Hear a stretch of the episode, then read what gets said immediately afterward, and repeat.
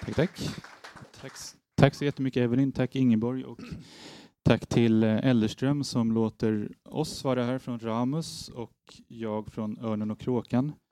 Som Evelyn sa så är det inte bara ett samtal här utan det är också ett poddsamtal, alltså en poddinspelning. Så vill ni lyssna igen så går det bra att gå in på ornenockrakan.se. Om det är sådär två veckor så tror jag att det här samtalet kommer finnas att lyssna till.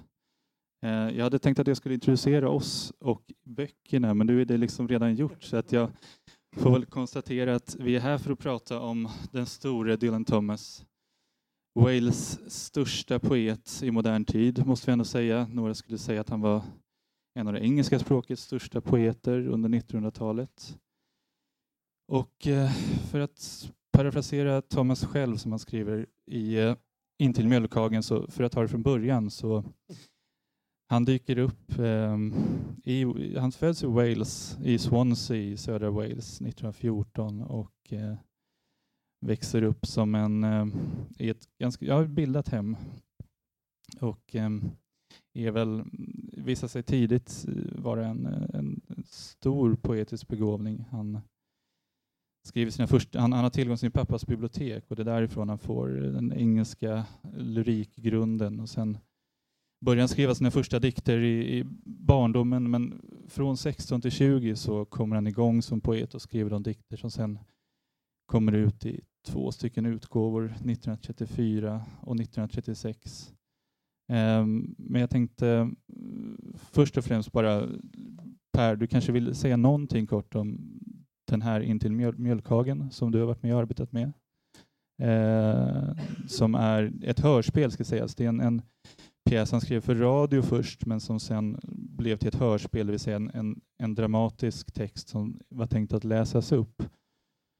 Och den här skrev han under lång tid, men den kom ut efter hans död och han arbetade med den fram till sin död. Men du får gärna säga något kort om den. Ja, den är, hej, fint att se er här. Eh, den är väl kanske Dylan Thomas mest kända verk, inte mjölkhagen brukar och ofta ett utav, man brukar säga ett av den brittiska litteraturens mest älskade verk också för att den har ända sedan den först framfördes 1953 för första gången i New York till att den sedan sändes på BBC första gången ett halvår senare efter Dylan Thomas död så har den liksom varit oerhört omtyckt. Och det som du säger, det är ett hörspel, det är ett spel för röster, kallade han det. Eh, som handlar om en dag i den lilla fiskestaden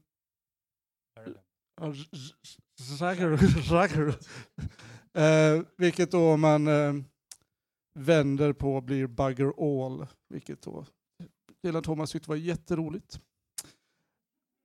Och det är väl lite den, en del av den humor som också genomsyrar det här verket som jag tror att det gjorde att den bred, nådde ut till en ganska bred publik. Men den bar på den här texten ganska länge. Alltså redan i, han var 39 år gammal när han dog i New York och redan i kring 20-årsåldern så nämner han att han vill skriva det här verket, eller han vill, egentligen att han vill skriva en Ulysses, en Ulysses för Wales. Han läste mycket James Joyce och var fascinerad men vill göra en walesisk variant. Och det finns ju i det här verket också, att den utspelar sig under ett dygn i en walesisk stad. Men det är egentligen det som är kvar utav grundidén. Sen bara med sig det där, skrev lite här och där och så vidare och jobbade på det.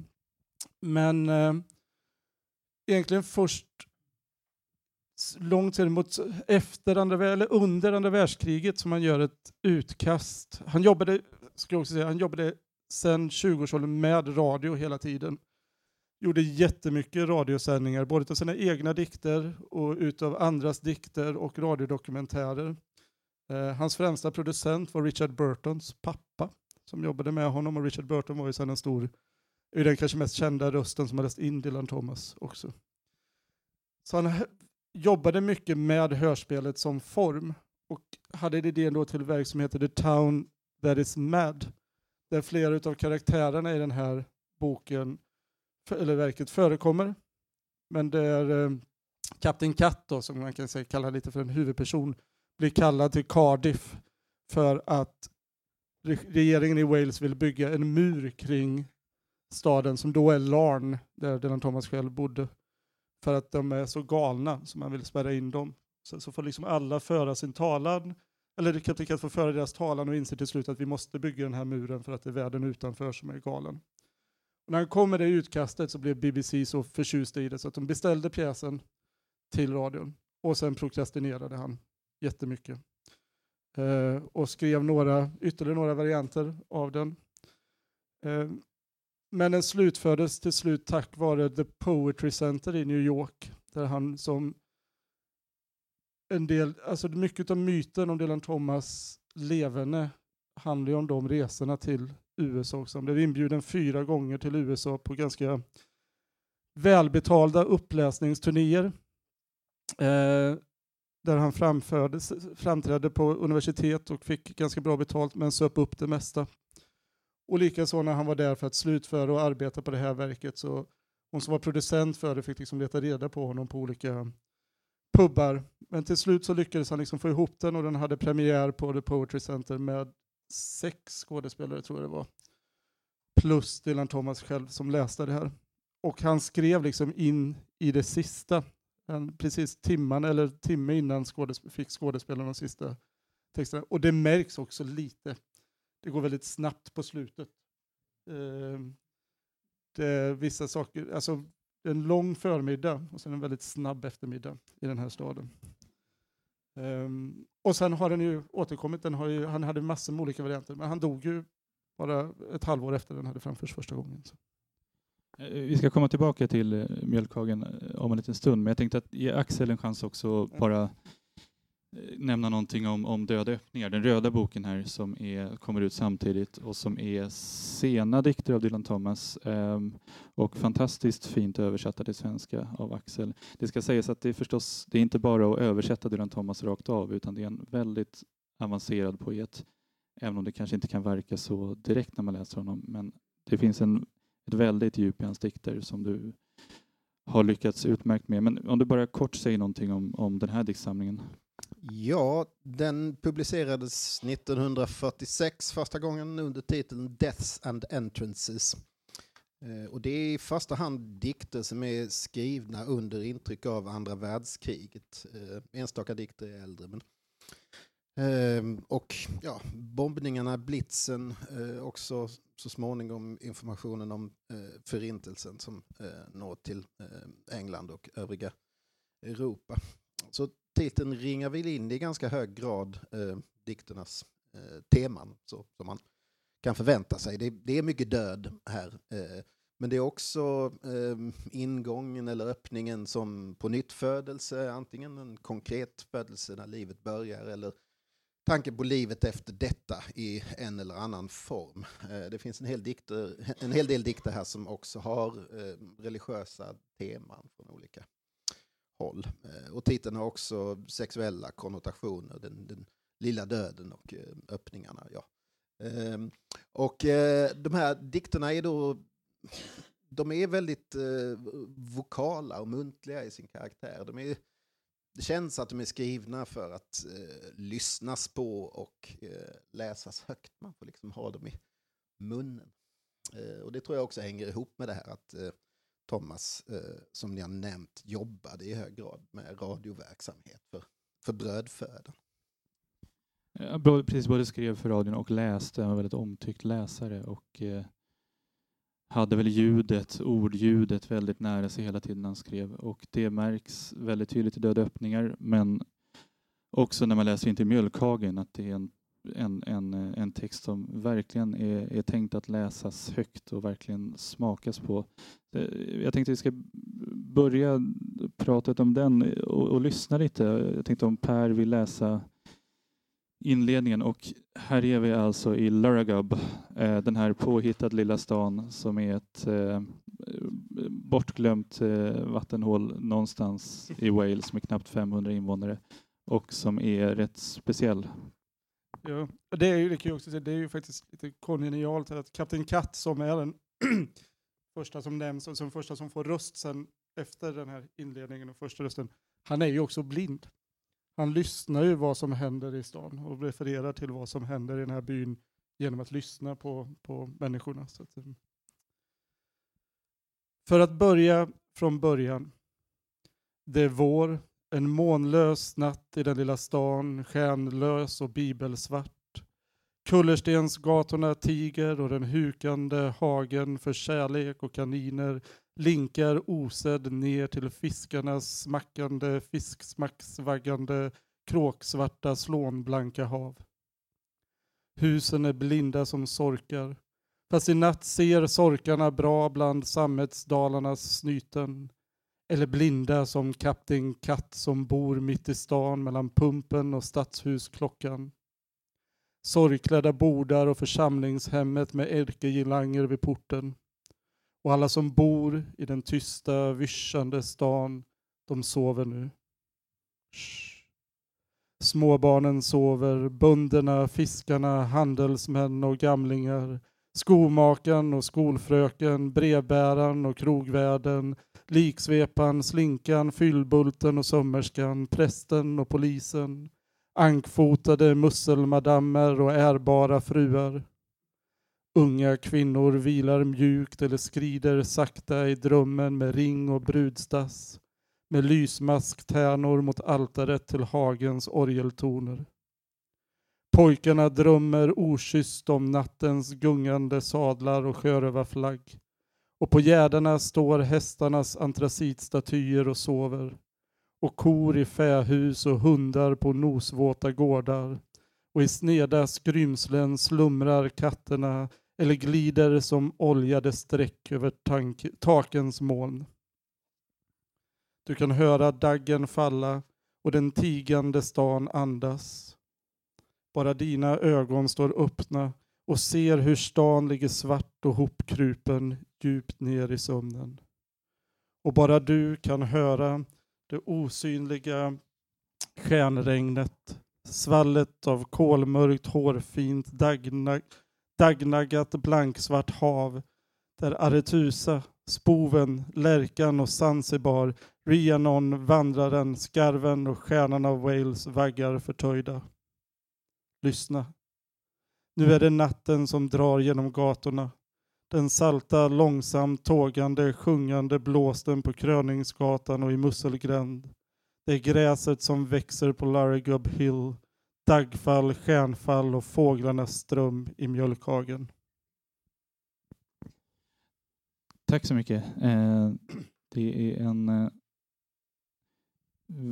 otroligt fin inledning det här tycker jag. Och den, den är ju, det ska sägas om den här, det här hörspelet att den är ju, ni hör säkert alla liksom den melodiska tonen, men den är också väldigt, väldigt rolig och rapp och kvick och eh, lite snuskig och sådär som, som, som, som det kan vara. Men eh, om du, kan du kort sammanfatta vad resten av pjäsen handlar om?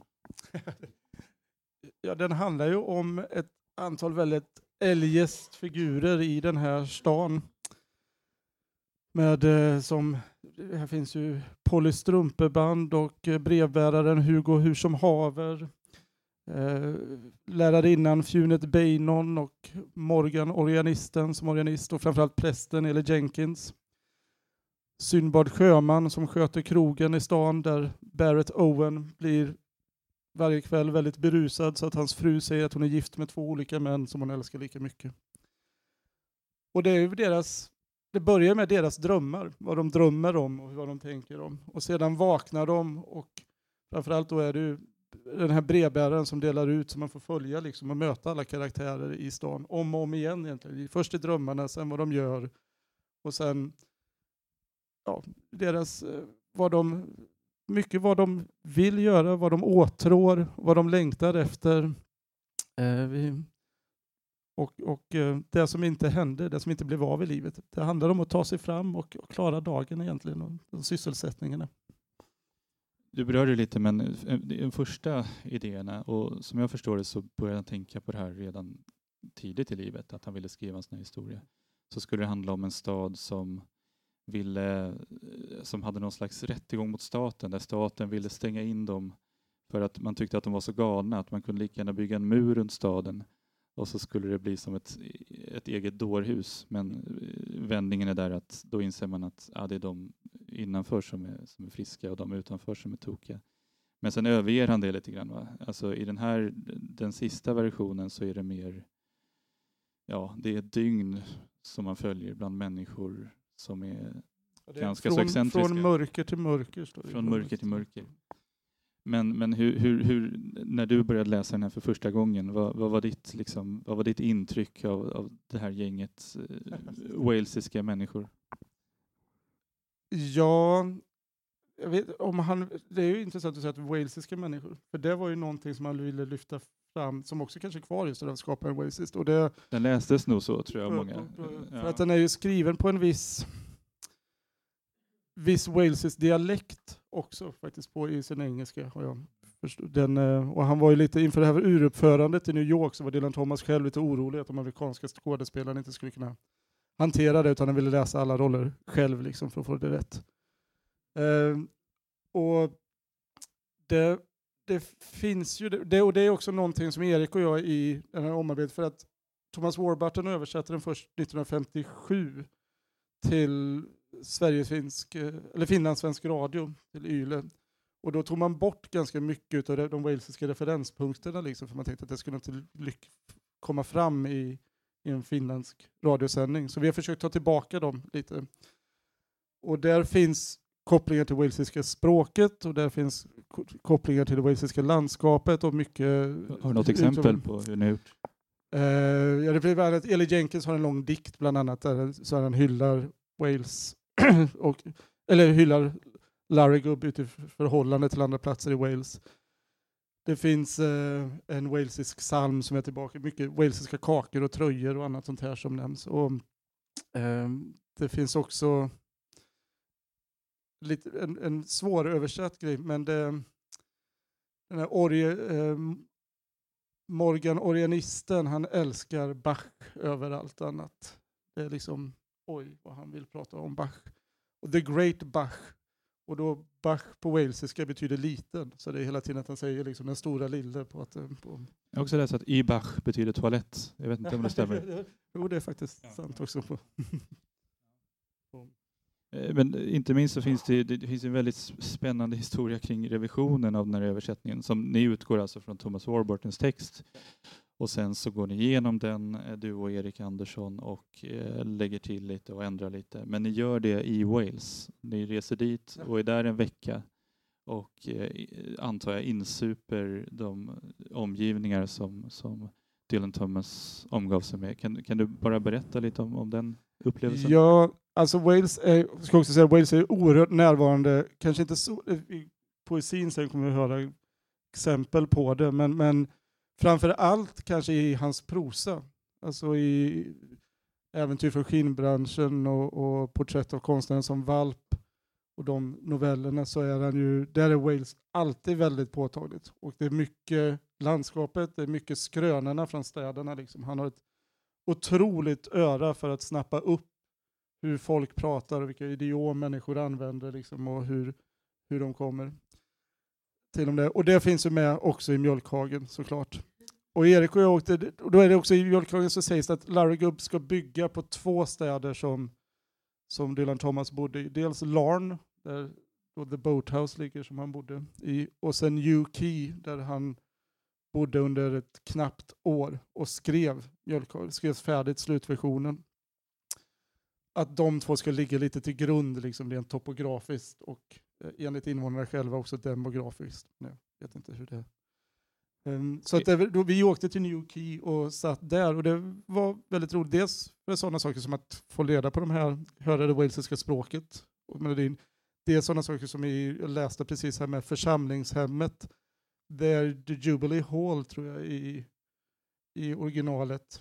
Svåröversatt till svenska, de finns ju i engelska städer, men att då kunna gå till kyrkan och se att ja men här ligger The Jubilee Hall, det är verkligen församlingshemmet. Det blev en tydlig, tydliga referenspunkter på något sätt. Men jag har förstått att de är förstås otroligt stolta över Dylan Thomas i Wales.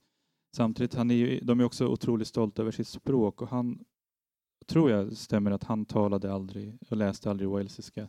Bra. Hans föräldrar var walesiskt talande men lärde inte sina barn walesiska. Hur, hur, fick ni, får ni några reaktioner på det där? Att man tycker att han på något sätt har liksom lämnat det walesiska språket eller så? Nej, det, alltså, jag- ja, hans föräldrar var walesiskt språk, men pappan var engelsklärare. och pratade bara engelska med barnen, eh, med Dylan Thomas och hans syster.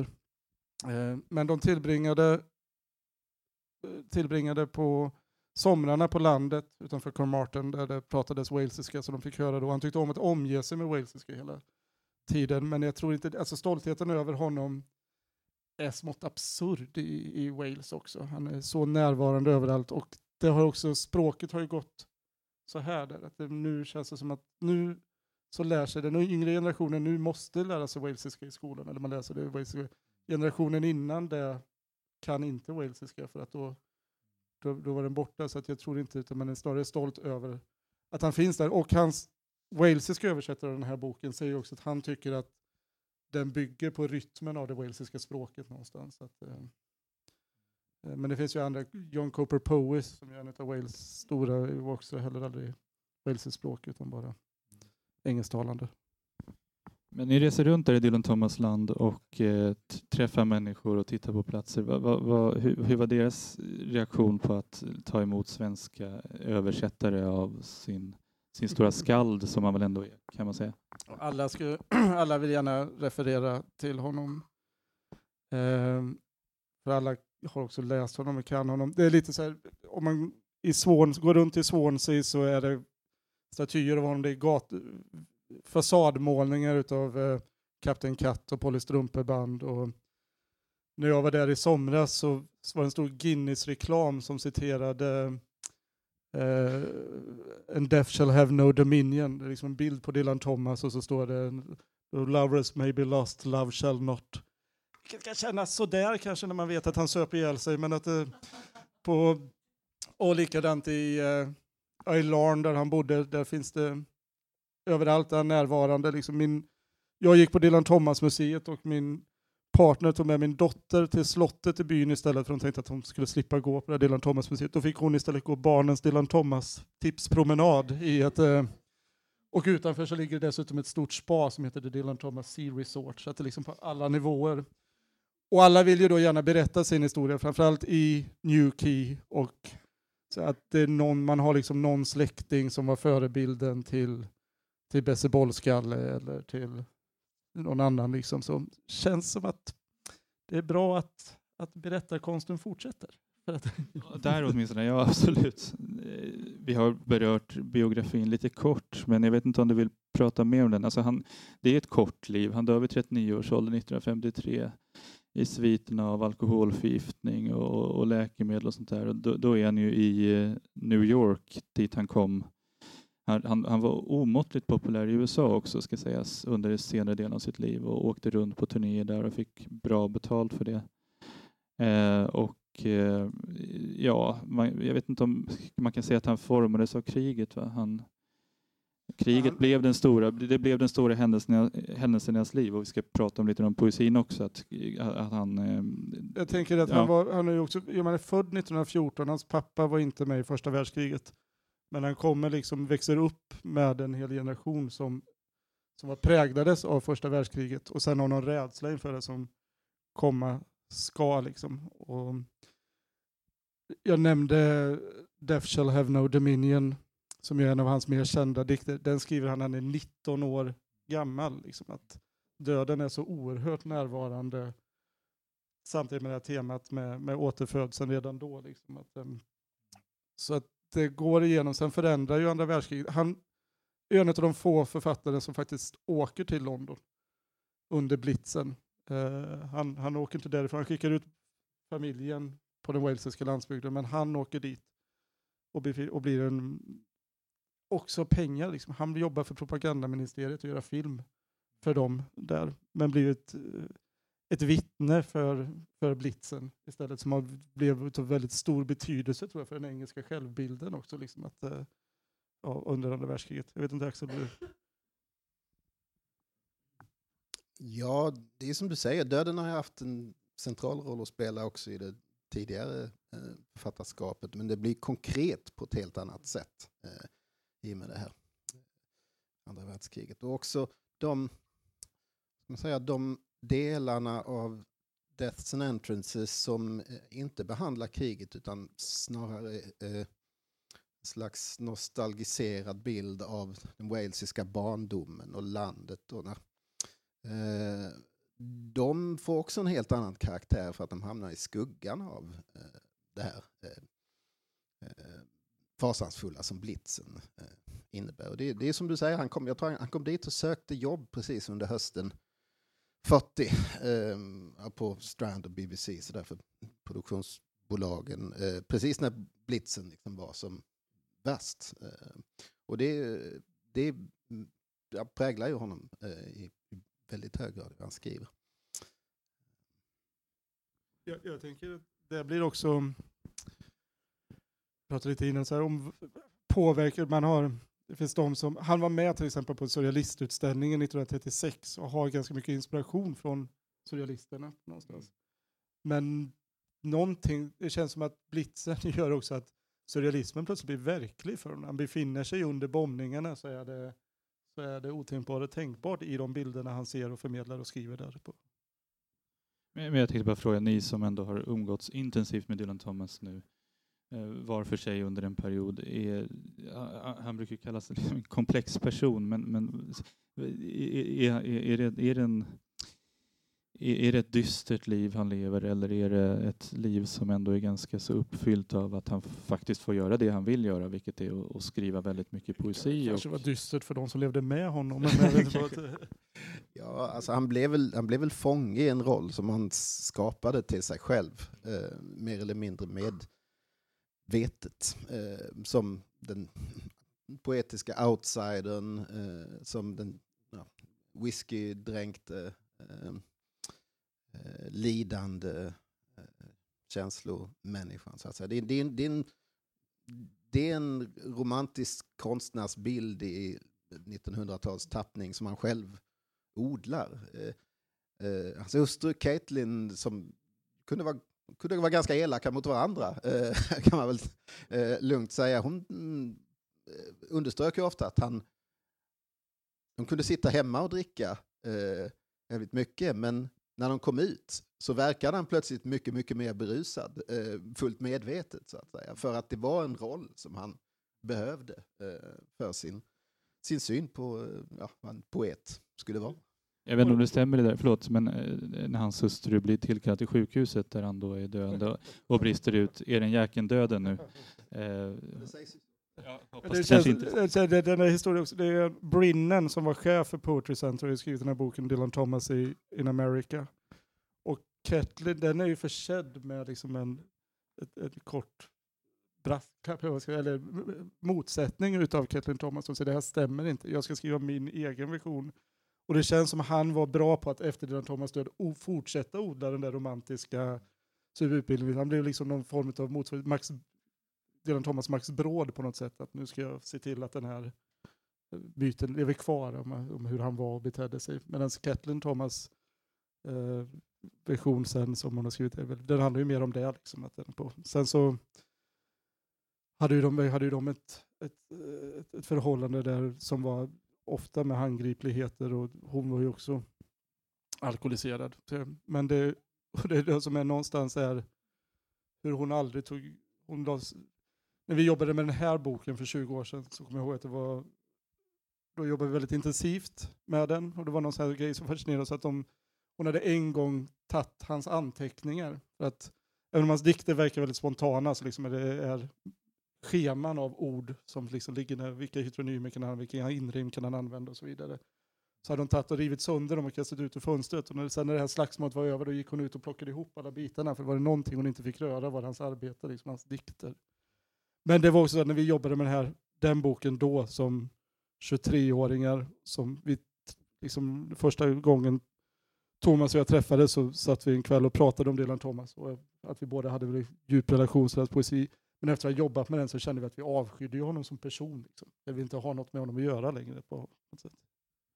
Men tyckte om hans eh, verk, hoppas jag? Ja, ja, det gör jag fortfarande. Men det är också det jag tänker att det har också att det har varit fint att återvända till de här nu. För att det tror jag gör att alltså den där rock'n'roll-bilden och att det dessutom är så många inom populärkulturen som refererar till honom hela tiden. Från Bob Dylan till Beatles till Nick Cave, Iggy Pop, vem det än må vara. Så därför må, i alla fall jag, och jag tror många med mig upptäcker honom. Sen återvänder man till det så, eller så, för det första så läser man honom sen och ser de här raderna liksom att det finns bara en död. Det finns ingen död efter döden. Liksom att, eh, då så wow, det är här. Och så nu så sitter man och läser och tycker jättemycket om att läsa om hägrar i Wales och inser att, att jag är grön och döende, precis som hans dikter. Liksom. Jag har pikat, men jag är fortfarande väl sprängkraft. Eh, det finns många delar av Dylan Thomas. Alltså man kan upptäcka honom som ung, va? Eh, men man kan också komma tillbaka till honom, upplever jag. Det är en förälskelse som får ny fart genom åren. Men eh, Axel, vi, kan, vi går över och pratar om döda öppningar nu som du introducerade så fint. För nu har vi pratat om dramatikern Thomas, men poeten Thomas är förstås den stora gestalten i litteraturhistorien och eh, ja, som sagt skrev väldigt mycket av sin poesi i väldigt ung ålder. Men sen kommer han tillbaka 1946 med den här som egentligen är hans mest kända och kanske mest kritikerrosade diktsamling eh, som nu för första gången finns på svenska. Hur, hur, hur har din arbetsprocess sett ut när du har tagit dig an de här dikterna från att du fick dem i handen? Mm. Ja, det, det är som du säger, att det är, som, som helhet är det, är det hans mest kända diktbok, så att säga. Samtidigt som eh, ja, men, Death shall have no dominion and, och eh, Do not go gentle into that good night eh, kanske är uh, mest citerade som enskilda dikter. Men den, den här innehåller ju också ett par av hans, vad ska man säga, greatest hits som eh, eh, Vägran att begråta ett barn som har dött i lågorna i London och eh, Fern Hill eller um, In My Craft och Sullen Art Eh. Hur översatte jag det där? Med, mitt, mitt värv eller en vresig konst eh, fick det bli. Nej, men jag har gjort som man gör. Jag, jag, lämnar, jag åkte inte alls till Wales. Eh, jag, det mesta av det här har jag gjort i min säng eh, för att jag inte orkade stiga upp innan jag började med det här. Än, än mindre ta mig till brittiska det var där han, Thomas skrev dikterna också. Så. Ja, men i viss mån kanske. Um, nej, men jag har väl dels eh, det, det, första intrycket av dem är det här att de är, de är väldigt muntliga och klingande. Det är, det är liksom dikter som pladdrar och sjunger och mässar och viskar. Och liksom man, man behöver ha dem i munnen och öronen i, i ganska hög grad. Samtidigt så eh, tror jag att eh, det får inte vara så att man eh, tänker sig att det, där, det där in, intrycket av liksom något eh, spontant eh, och estradörskapet som finns, han i, finns i hans e, egna framträdanden, så där, att det på något sätt står i motsättning till en eh, mycket planerad och eh, komponerad dikt. Eh, du nämnde ju Per det här exemplet att han liksom gjorde långa, långa listor på ord eh, som, som började på samma bokstav för att eh, ha till allitationer, ord som har samma betonade vokal för att använda till halvrim och sen så helrimmade ord till dem han, där han skulle använda det så att säga. Eh, så, och också i formen på dikterna så är man ser att det är någonting det är någonting väldigt planerat eh, i det som, som, som, som är väl föreställer jag mig, en förutsättning för att han ska komma till det här intrycket av någonting eh, ja, som låter till hälften som tungotal, eh, till hälften improviserat. Eh, eh och man, man ser då i de här dikterna att han, hans formspråk är liksom eh, han uppfinner, han skriver inte i traditionella former i, i den här eh, samlingen. Det är liksom inte nedärvda eh, verser, även om det, det finns spår av blankvers och sådär. Eh, men, utan han uppfinner liksom egna former för varje dikt som, som är ganska komplexa. Sådär. Det kan vara, nej men i den här dikten så har jag eh, nio rader per strof eh, och de ska ha så här och så här många betoningar per strof och så ska det finnas tre rim i eh, tre rimord i varje nioordstrof men det är inga helrim utan det är bara vokalen som är samma. Så det, man, när man lyssnar på det så det är inte så att man hör, jaha, här har vi det här rimschemat, eh, utan det glider in just med en sån här, eh, ja, men, en slags lömsk musikalitet. Eh, jag tänkte, vi ska ta och lyssna lite på det också. Eh, Och då tänkte jag att du skulle få läsa den dikten som heter En vägran att begråta ett barn som dött i lågorna i London. Och här är vi alltså, som vi pratade om lite tidigare, Dylan Thomas eh, angav medicinska skäl för att inte behöva strida i andra världskriget men skämdes nog över detta. Istället så jobbade han för BBC, var i London och fick uppenbarligen bevittna fruktansvärda saker under, under blitzen. Eh, så eh, varsågod Axel, du får, du får läsa den här. En vägran att begråta ett barn som dött i lågorna i London. Aldrig förrän det människoskapande, fågel, fä och blomsteralstrande och allt betvingande mörkret. Tyst utsäger ljusets sista sönderfall och stillheten kommer då havet tumlar bundet i tömmar. Och jag till Sion i vattenpärlans rund till slut ska återgå.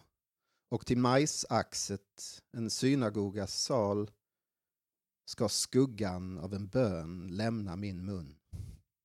Och aldrig ska jag bestå med min salta sådd säckvävens minsta dal för att sörja barnadödens höghet och brand.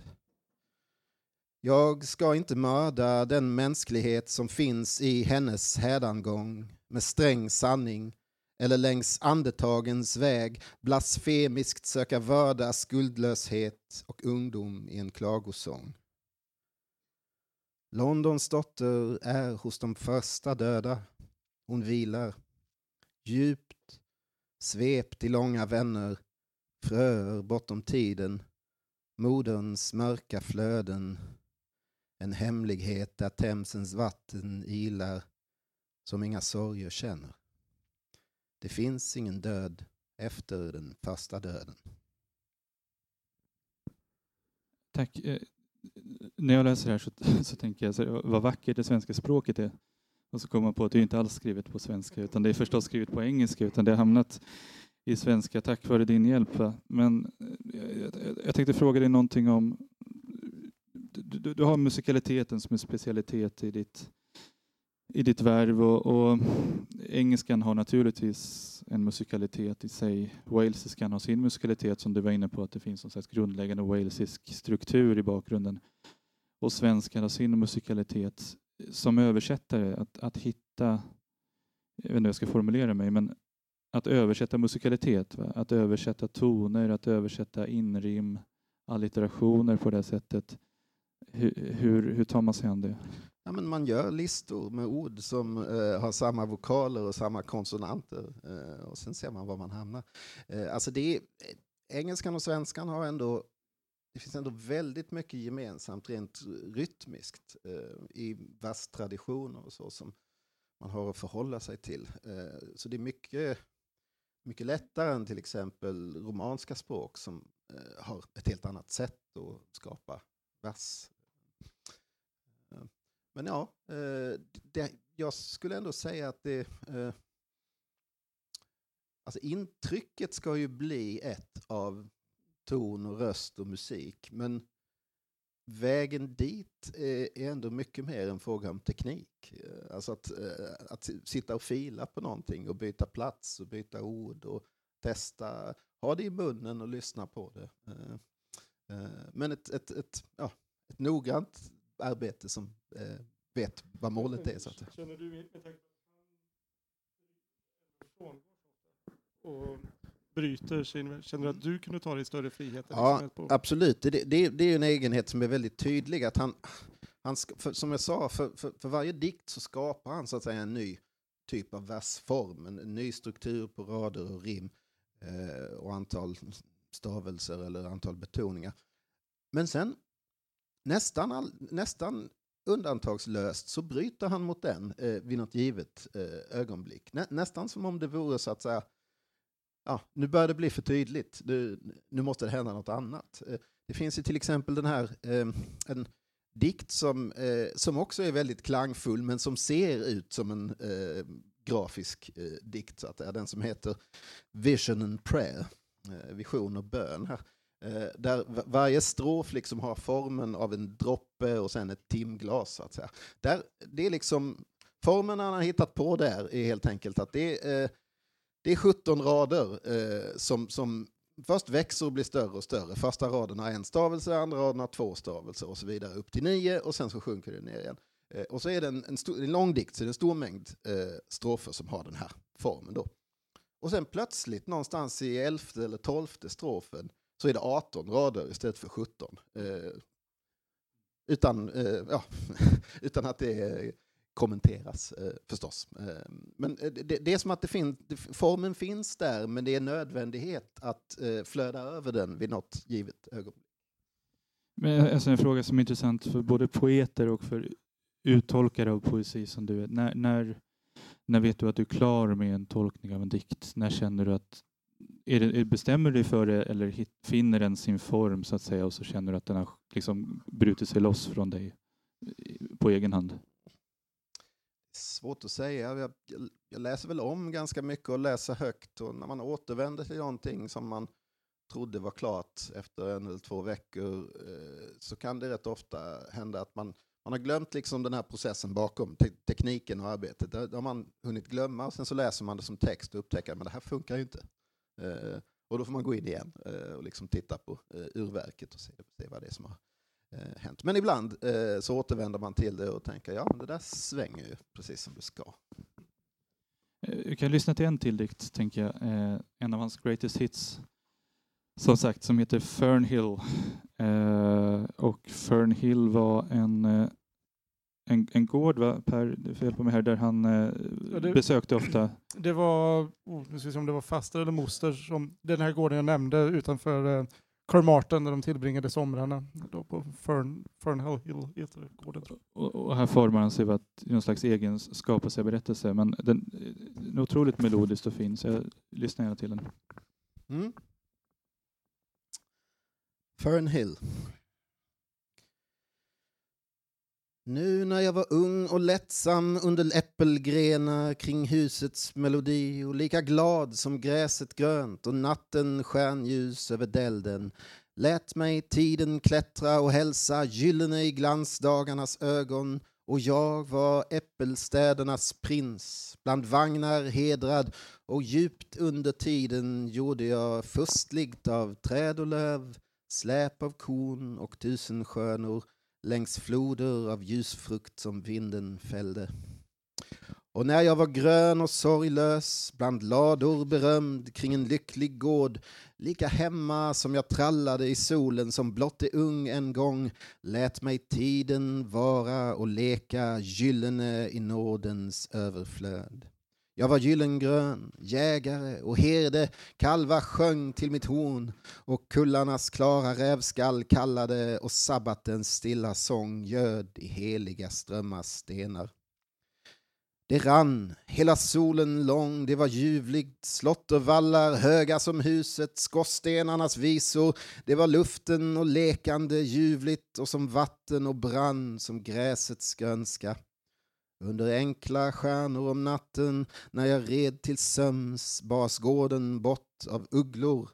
Månen lång hördes skärror välsignade bland stallar flyga med volmar och hästarna blixtrande in i mörkret.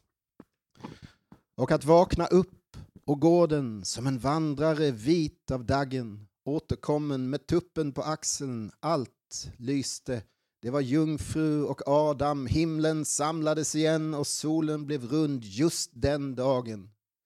Så som det var när det enkla ljuset först föddes hit. En virvlande plats och ett gnäggande grönt stall där trollbundna hästar travade varmt ut i lovsångens hage. Hedrad bland rävar och fasaner vid ett muntert hus under nyss gjorda moln och lika glad som hjärtat långt i solen, född om och om igen. Vad gjorde det mig då? När jag sprang längs de glömska spåren i ljusblått värv och önskan for i hushögt hö att tidens klingande vridning ger så få av dessa månars sång innan barnen gröna och gyllene, följer honom ut ur nåden. Vad gjorde det en lammvit dag att tiden skulle ta mig till loftet fullt av svalor och hålla skuggan av min hand i månen, den ständigt stigande, att jag i ritt till sömns skulle höra hans flykt med fälten högt och vakna när gården för alltid flytt ett barnlöst land. O, när jag var ung och lättsam i nådens överflöd höll mig tiden grön och döende men i bojorna sjöng jag som sjön. Tack så jättemycket Axel. Um, tack. Vi hade mycket mer att prata om, men jag märker att tiden börjar dra sig lite grann mot sitt slut. En sak ska vi göra innan vi öppnar upp för eventuella frågor och det är att vi ska läsa lite mer. Ja. Återkoppla till det där, för att det här är då, den är ju skriven det blir, ja, mot slutet av hans liv. Det finns en sån uppenbar koppling mellan Fernhill, som då är liksom det besjälade walesiska landskapet i förhållande till kaoset i blitzen. Men så tänker jag på att i redan i hans första diktsamling, 18 Poems, så finns det också en av hans mer kända dikter, Den kraft som genom den gröna stubinen driver blomman. Där han skriver, om jag har den. Som inleds med att den kraft som genom den gröna stubinen driver blomman driver min gröna ålder som spränger trädens rötter och är min förgörare. Och det finns liksom en koppling direkt där till grön och döende. När jag var ung så liksom binds det samman i den här samspelet finns liksom hela tiden mellan hur döden och livet konstituerar varandra i något sätt.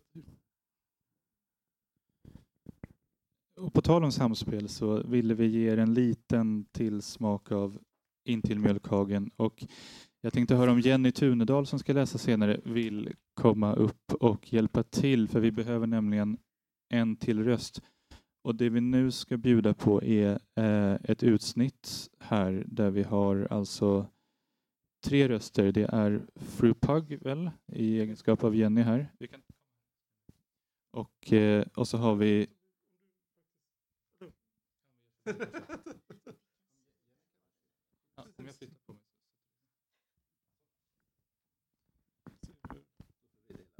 Ja, precis.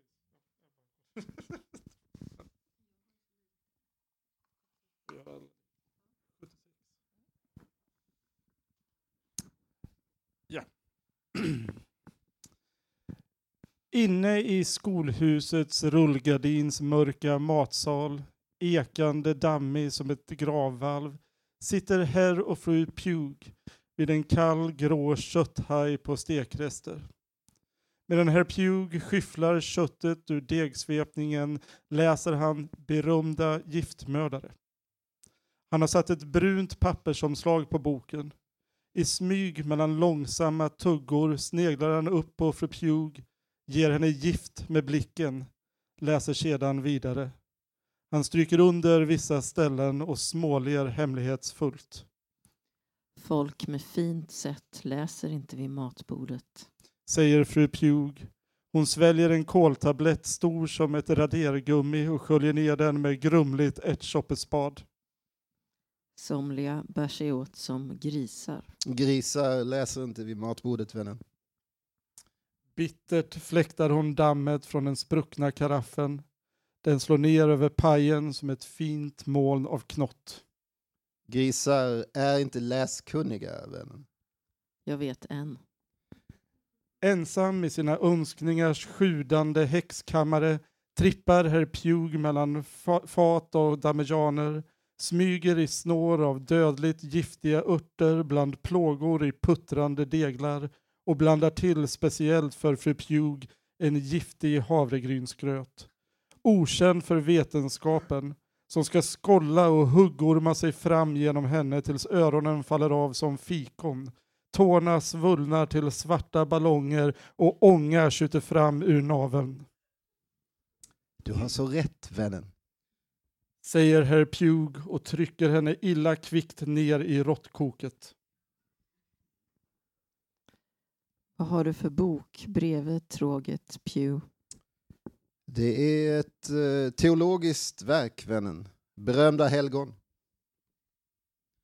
Fru Pugh småler. En istapp växer fram i middagsvalvets kalla luft.